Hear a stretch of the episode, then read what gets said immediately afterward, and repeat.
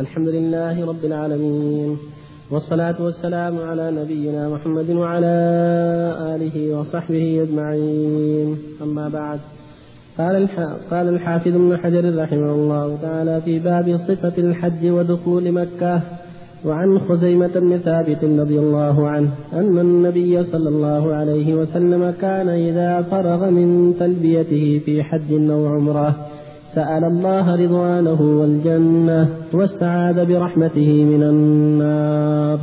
رواه الشافعي بإسناد ضعيف. وعن جابر رضي الله وعن خزيمة بن ثابت رضي الله عنه أن النبي صلى الله عليه وسلم كان إذا فرغ من تلبيته في حج أو عمرة سأل الله رضوانه والجنة واستعاذ برحمته من النار. رواه الشافعي بإسناد ضعيف. وعن جابر رضي الله عنه قال قال رسول الله صلى الله عليه وسلم نحرتها هنا ومنا كلها منحر. فانحروا في رحالكم ووقدتها هنا وعرفة كلها موقف. ووقدتها هنا وجمع كلها موقف. رواه مسلم. وعن عائشة رضي الله عنها أن النبي صلى الله عليه وسلم لما جاء إلى مكة دخلها من أعلاها وخرج من أسفلها متفق عليه. وعن ابن عمر رضي الله عنهما أنه كان لا يقدم مكة إلا الله خير. وعن ابن عمر رضي الله عنهما أنه كان لا يقدم مكة إلا بات بذي طوى حتى يصبح ويغتسل. ويذكر ذلك عن النبي ويذكر ذلك ويذكر ذلك عن النبي صلى الله عليه وسلم. متفق عليه. الحمد لله صلى الله وسلم على رسول الله وعلى آله وأصحابه ومن اهتدى به أما بعد هذه الأحاديث الأربعة كلها تتعلق بالحج. الحج الأول حديث خزيمة بن ثابت الأنصاري رضي الله عنه فيه أنه صلى الله عليه وسلم كان إذا فرغ من تلبيته في حج عمره سأل الله رضوانه الجنة واستعاذ برحمته من النار. هذا الحديث مثل ما قال المؤلف ضعيف الإسناد لا يحتج به. لكن لا مانع من الدعاء. الدعاء لا بأس به إذا جاء الحاج في أثناء التلبية. اللهم إني أسألك رضاك والجنة واعوذ من سخطك والنار. اللهم أصلح قلبي وعملي. اللهم تقبل مني ما في لا بأس. لا حرج. وهكذا إذا صلى على النبي صلى الله عليه وسلم وأكثر من الصلاة في أثناء التلبية كل هذا لا بأس به. لكن السنة إكثار من التلبية كما كان النبي صلى الله عليه وسلم يفعل. إكثار من التلبية وإذا دعا في بعض الأحيان في أثناء التلبية أو في جلوسه إذا جلس أو في مشيه أو في أي حال إذا سأل الله سأل الله الجنة وتعوذ من النار أو سأل الله شيء من ما ينفعه اللهم يسر لي زوجة صالحة ذرية صالحة. اللهم أصلح قلبي وعملي اللهم اغفر لي اللهم اعف عني لا حرج في ذلك. لكن السنة الإكثار من التلبية ومواصلة التلبية كأسم من النبي صلى الله عليه وسلم. وهي لبيك اللهم لبيك لبيك لا شريك لك لبيك. إن الحمد والنعمة لك والملك لا شريك لك. معنى لبيك يعني أنا يا ربي مقيم في طاعتك إقامة بعد إقامة. هذا معنى لبيك. أنا مقيم في طاعتك مرة بعد مرة. يعني حتى ألقاك حتى أموت. وربما لبى قال لب ربما صلى ربما لبى صلى بقوله لبيك لبيك إله الحق لبيك. لبيك ذا المعارج. وكان الناس يلبون حوله بأشياء أخرى ولا يمنعهم. يروى عن أنس أنه كان يقول لبيك حقا حقا تعبدا ورقا وكان عمر يزيد لبيك وسعديك والخير كله في يديك والشر ليس إليك كل هذا لا بأس به. ولكن كون الإنسان يلزم تلبية النبي صلى الله عليه وسلم ويكثر منها هذا هو الأفضل. لقوله لقوله جل وعلا لقد كان لكم في رسول الله أسوة حسنة لمن كان يرجو الله واليوم الآخر. وفي صلى الله خذوا عني مناسككم. الحديث الثاني في الجابري أنه صلى الله عليه وسلم نحر في في منى. وقال نحرت في منى ومنى كلها منحر هذا يدل على أن السنة في منى يعني في الهدايا أيام أيام الحج. الهدي والتطوع يكون في منى أفضل. وإذا باح في مكة في غير منى في أنحاء الحرم فلا بأس. لما جاء عن صلى قال في زاد مكة طريق ومنحى. فإذا نحر في في مكة في الحرم لا بأس لكن الأفضل في منى الأفضل ينحر في منى هدي التطوع وهدي التمتع والقراءة هذا هو الأفضل. تأسيا بالنبي صلى الله عليه وسلم لأنه نحر في منى. وقوله عرفت كلها موقف وقفتها هنا كلها موقف ووقفتها هنا جمع كلها موقف يدل على أن لابد من وقوف عرفة من ليل أو نهار وكلها موقف في أي بقعة منها يكفي الحج. ومن في موقف النبي صلى الله عليه وسلم في أي موقف من عرفة. إذا وقف جلس فيه الحاج بعض الشيء أو مر بها من الحج في يوم عرفة بعد الزوال أو في ليلة النحر قبل طلوع الفجر أجزاء فإن الوقوف ما بين زوال الشمس يوم عرفة اليوم التاسع إلى طلوع الفجر من ليلة النحر. هذا وقت الوقوف. عند جمهور أهل العلم. وقال بعض أهل العلم يبتدي الوقوف من فجر يوم عرفة من الفجر إلى طلوع الفجر من ليلة النحر. والأحفظ المؤمن أن يكون الوقوف بعد الزوال مثل ما وقف النبي صلى الله عليه وسلم بعد الزوال إلى غروب الشمس هذا السنة. وإن وقف في الليل أجزأه ذلك قبل طلوع الفجر. في أي بقعة من عرفة يجزي. وفي في جمع وهي مزدلفة. إذا بات في جزء منها كذا وهو ليس لازم يبيت في موضع يبات فيه النبي صلى الله عليه وسلم لا. كل مزدلفة موقف. في أي بقعة منها نام الحاج ليلة النحر عند منصرفه من عرفات كفى. والضعفاء لهم الضعن منها بعد نصف الليل من النساء والصبيان والشيوخ الكبار والمرضى. لهم من يرتحل منها وينفر منها بعد نصف الليل لأنه أسهل عليهم قبل زحمة الناس. في حديث عائشة رضي الله عنها الحديث الثالث أن الرسول دخل مكة من أعلاها من كداء الكاف وخرج من أسفلها من كدى لضم الكاف هذه السنة والأفضل. إذا قدم مكة يقدم من أعلاها وإذا خرج مسافرا يخرج من أسفل هذا هو الأفضل. ومن أي مكان دخل ومن أي مكان خرج فلا بأس لا حرج. لكن الأفضل أن يكون دخوله من أعلى وخروجه من أسفل كأسم النبي عليه الصلاة والسلام. والحديث الرابع يدل على أن الأفضل لمن قال مكة إذا اغتسل ثلاث أن يبيت في طوى. يبيت فيها ويغتسل ثم يتوجه إلى البيت روحا للطواف والسعي. هذا هو الأفضل. كان إذا قدم مكة بات في طوى حتى يصبح ويغتسل. موضع معروف في مكة. وكان من الأمر إذا قدم لحج العمرة بات في طوى تأسم من النبي صلى الله عليه وسلم.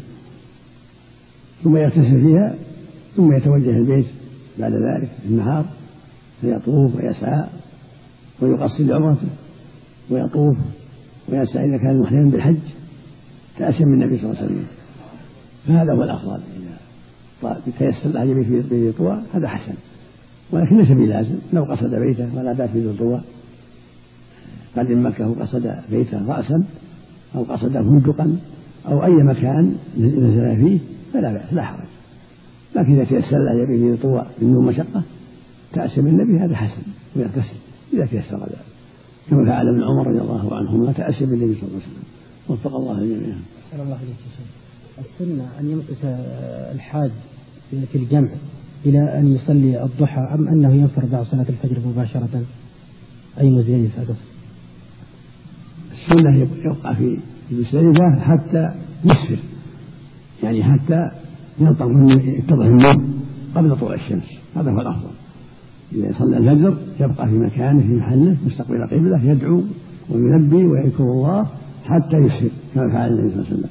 أما الضعفاء فلهم أن أبدا نصف الليل لكن من جلس حتى يسفر صلى الفجر بها وجلس حتى يسفر يدعو الله مستقبل القبلة ويلبي ويدعو ويرفع يديه هذا أفضل تأسي بالنبي صلى الله عليه وسلم. فإنه بقي في مزدلفة حتى أسفر. فلما أسفر انصرف إلى منى قبل طلوع الشمس وخالف المشركين. كان كان المشركون لا يصرفون مزدلفة حتى طلع الشمس. والرسول خالفهم. انصرف من مزدلفة قبل طلوع الشمس بعدما أسفر عليه الصلاة والسلام. من قال أن النزول طوى ليس قصدا إنما اضطرته الحاجة للنزول في هذا. وهو الأصل في أفعاله سنية. لا الأصل. الصلاة السنية مرة واحدة حجة وداع معروف. عند الإحرام. الغسل عند الإحرام والغسل إذا قد لا ما في ما في غسل. لا محفوظ عند الإحرام وإذا قدم مكة بس أما عند الوقوف بعرفة أو عند رمي الجمار قل بعض الفقهاء يغتسل ما حصل نعم. جمع الإنسان أربع كلمة واحدة في أعمال الحج يوم يوم يوم الحج الأكبر جمع كلمة واحدة في أعمال الحج مرتبة. هل في ذلك بأس؟ كيف؟ مثل أن يقول مثلا رن حط هذه كلمة مجمع في أعمال الحج يوم, الحج الأكبر اللي هو يوم النحر. فالراء الراء النحر يقول رن حط الراء النحر النحر على طول مرتبة. والحاء رن والنون الحلق. والطاء الطواف ورن حط هذه مرتبة. وش هذه اللغة؟ هذه يعني لا ما مرتبة عليه. ينبغي أن يأتي الأمور واضحة. لا. يرن لا يرن. يوضح الناس يوضح يوضح للناس ما شرع الله. يخلي الغاز. نعم. ثبت عن الرسول آه، هذه التلبية لبيك اللهم لبيك لبيك حجا لا رياء فيه ولا سمعة؟ لا ما مر معروف. لبيك مشروع التلبية ولبيك إلى حق لبيك لبيك إلى المعارج. هذا من كلام يروى عن انس الأمر واسع في هذا نعم. نعم نعم رفقاهم معهم نعم الله اليك السعاده من النار فيها فيها لين اما ان الناس على مرات فيه فيه لين لكن اذا فعل الانسان تحرير الخير اللهم اني اسالك المعروف اللهم اجرني من النار اللهم اجرني من النار سبحان الله هل ثبت عن الرسول صلى الله عليه وسلم انه صام عشر ذي الحجه العشر ما ثبت يروى عنها في شان فيه اضطراب تقول ما كان يصومها. يروى عن حفصه إنه كان يصومها لكن عند بعض الاضطراب بعض الاختلاف. ولكن صومها سنة لقوله صلى الله عليه وسلم ما من أيام العمل الصالح خير واحب إلى الله من هذه الأيام العشر. رواه البخاري في الصحيح. وهكذا روى أحمد بن سامي ما من أيام أعظم عند الله ولا أحب إلى أمرهن من هذه الأيام العشر. فأكثر فينا من التهليل والتحميل والتكبير. تقول عائشة رضي الله ما أعلمه صامها. يروي عن حفصة إنه كان يصومها. لكن في سند بعض في بعض الاضطراب. قال الحافظ ابن حجر رحمه الله تعالى في باب صفة الحج ودخول مكة وعن ابن عباس رضي الله عنهما أنه كان يقبل الحجر الأسود ويسجد عليه. رواه الحاكم مرفوعا والبيقي موقوفا. وعنه رضي الله عنه قال أمرهم النبي صلى الله عليه وسلم أن يرملوا, أن يرملوا ثلاثة أشواط ويمشوا أربعة ما بين الركنين. متفق عليه. وعن ابن عمر رضي الله وعن ابن عمر رضي الله عنهما أنه كان إذا طاف بالبيت الطواف الأول خب ثلاثا ومشى أربعا وفي رواية رأيت رسول الله صلى الله عليه وسلم إذا طاف في الحج أو العمرة أول ما يقدم أول ما يقدم فإنه يسعى ثلاثة أطواف. فإنه يسعى ثلاثة أطواف بالبيت ويمشي أربعة. متفق عليه. بسم الله الرحمن الرحيم. الحمد لله وصلى الله وسلم على رسول الله وعلى آله وأصحابه ومن اهتدى أما بعد فهذه الأحاديث الثلاث فيما يتعلق بالطواف. وتقبيل الحجر الأسود. السنة للطائف أن يقبل الحجر الأسود ويستلمه بيده ويقول الله أكبر. تأسم النبي صلى الله عليه وسلم فإنه كان إذا طاف قبل الحجر واستلمه بيده وقال الله أكبر. فإن لم يتيسر له تقبيله استلمه قبل ما سلاه منه كما ثبت عنه صلى الله كان يستقبل يستلم الحجر محجن ويقبله محجن فإن لم يتيسر ذلك أشار إليه وكبر. فالأحوال ثلاث إحداهن أن يستلمه ويقبله. وهذا هو الأكمل إذا تيسر. فإن لم يتيسر استلمه بيده أو بعصا وقبل ما استلمه بطرف العصا أو يده. الحال الثالث هذا يكون بعيد أو مزحوم فيشير ويكبر. من دون حاجة إلى الاستلام والتقبيل. أما السجود فروي عن ابن عباس السجود عليه ولكن الأحاديث الصحيحة ليس فيها سجود إنما فيها التقبيل. حديث عمر وغيره من الأحاديث الصحيحة حديث أبي الطفيل وغيره ليس فيها إلا الاستلام والتقبيل. وهذا هو والسنة. أما هذه الزيادة في السجود في محل نظر. فجاءت عن ابن عباس موقوفة ومرفوعة. والأحاديث الصحيحة الثابتة عنه صلى الله عليه وسلم تخالف ذلك وأنه كان يقبل فقط من غير من غير أن يضع جبهته على الحجر بل يقبله بفمه ويكفي ويستلمه بيده. والحديث الثاني يدل على شرعية الرمل في الأشواط الثلاثة من طواف القدوم وهكذا ابن عمر يستحب يرمل في ذات القدوم ويمشي أربعة. في طواف القدوم خاصة يرمل الشوط الأول والثاني والثالث ويمشي في الأربعة. والرمل المسارعة بين الخطى والخبب يعني يكون يخب أجمل من المشي فوق المشي. ويطبع أيضا كما كما تقدم يكون مطبعا يجعل الرداء تحت ابطه الأيمن وأطرافه على عاتقه الأيسر يخب. ثلاثة أشواط يمشي أربعة. وإذا انتهى من الطواف. أسهل الاتباع عدل الرداء على كتفيه جميعا قبل أن يصلي ركعتين. أما مشيهم بين الركعتين كان هذا في أمراض القضاء. لما قدموا في عام سبع من الهجرة في أمراض القضاء والمشركون من جهة طائف عام جهة الحجر شمال الطائف شمال الكعبة كانوا إذا وزنوا ما بين الركنين مشوا يعني يختفون عن المشركين.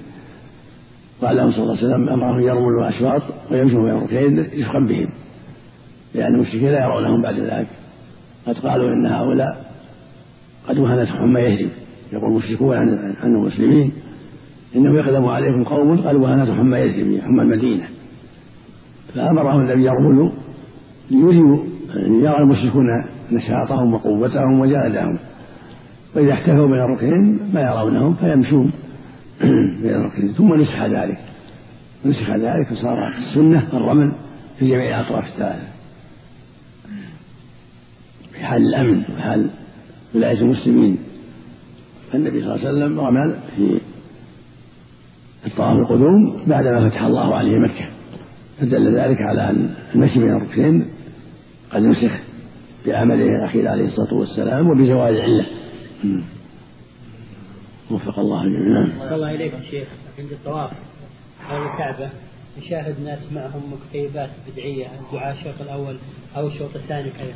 هل ينصحهم أو أو يشتغل بالأذكار أحسن الله إليك ويدعهم؟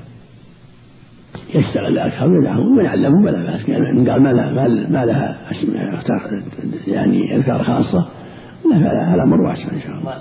لأن هذا عامة يعني يحتاجون يعلمهم ما ما يعرفون شيء. نعم. يحتاجون إلى يعرفون الذكر. ولكن ما ذكر مخصص في كل شوط إنما هذا يوجد بعض المناسك تسهيل على الناس. ولكن يعلمكم ترى ما في شيء خاص بالشوط الأول والثاني. الإنسان يدعو ذكر الله في جميع الأشواط ما تيسر. بس الله لو ترك الرمل في بعض الأشواط الثلاثة الأولى وتذكر هل يتدارك في الأربعة؟ الأخرى؟ في السنة فات محله لا. سنة فات محله لو كان طوافل لو كان كان هناك زحمة ولا يستطيع أن يرمل لا يرمل هل لو ذهب إلى إلى لا يرمل لا يرمل وإن تأخر عن المطاف حتى يرمل أفضل إن تيسر له أحسن الله إليك. من الناس من يتقدم من يأتي إلى الحج ولا يأتي إلى إلى إلى الحرم. مباشرة يذهب إلى منى في اليوم الثامن ولا يطوف طواف القدوم. ويقرنه مع طواف الإفاضة. هذا ما ينبغي. كيف كيف يفعل؟ يعني يأتي مثلا من قرن المنازل إلى منى مباشرة ولا ولا يطوف طواف القدوم.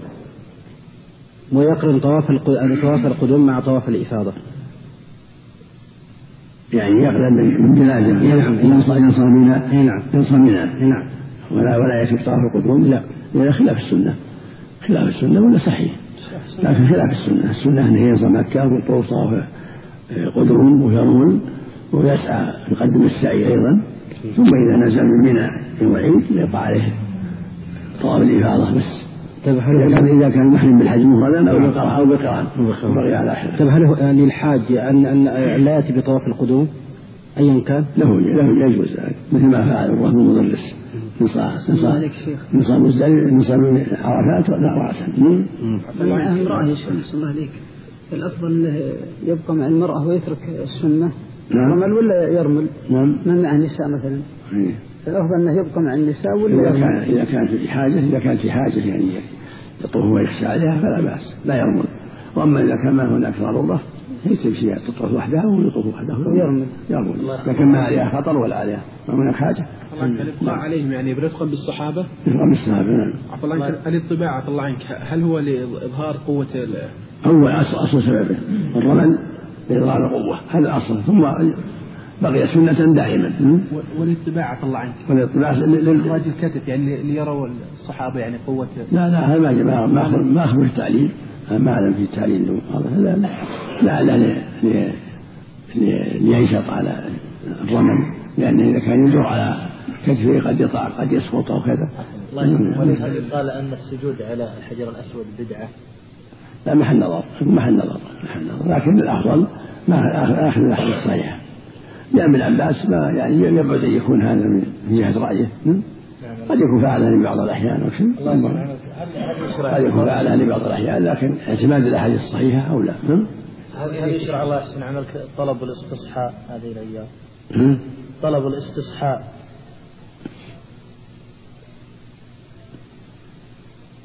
ما ما يعني حاجة يعني ما يضر. ما الصحابة طلبوا لأن المياه كررت عليه كثر ال- المطر الله يحسن عملك في بعض النواحي. نحن الآن ما يقارب عشرة أيام. في بعض النواحي آه، في الشمال. لي الله ما لا شيء. لم خلف مطر الخلف ما في في مشقة. سقط. لا عاد اللي عنده مشقة لا يقول إشراف. لا يقول اللهم حوالينا ولا علينا. نعم. هذه اللي فيها مشقة. الله عنك الرمل عفى الله عنك. يكون بشدة رأينا بعض يعني طلاب العلم وهم يدورون على الكعبة بشدة يعني قوة. أو هو مقاربة الخطب. لا رمل خبب. مثل ما قال ابن عمر خبة كذا مثل الركض الخفيف يعني. صلى الله عليك. بعض الناس إذا حج فريضة وأتت السنة الجاية مثلا يقول أنا بحج مرة ثانية حجي هذا شاك فيه مثلا موت زين أو كذا. فهل تكون الفريضة له ثانية أو تكون نافلة أحسن الله إليك؟ لا لا لا نافلة شك ما غيره أو شك ما غير الأمور أحسن الله إليك. لأن قد يكون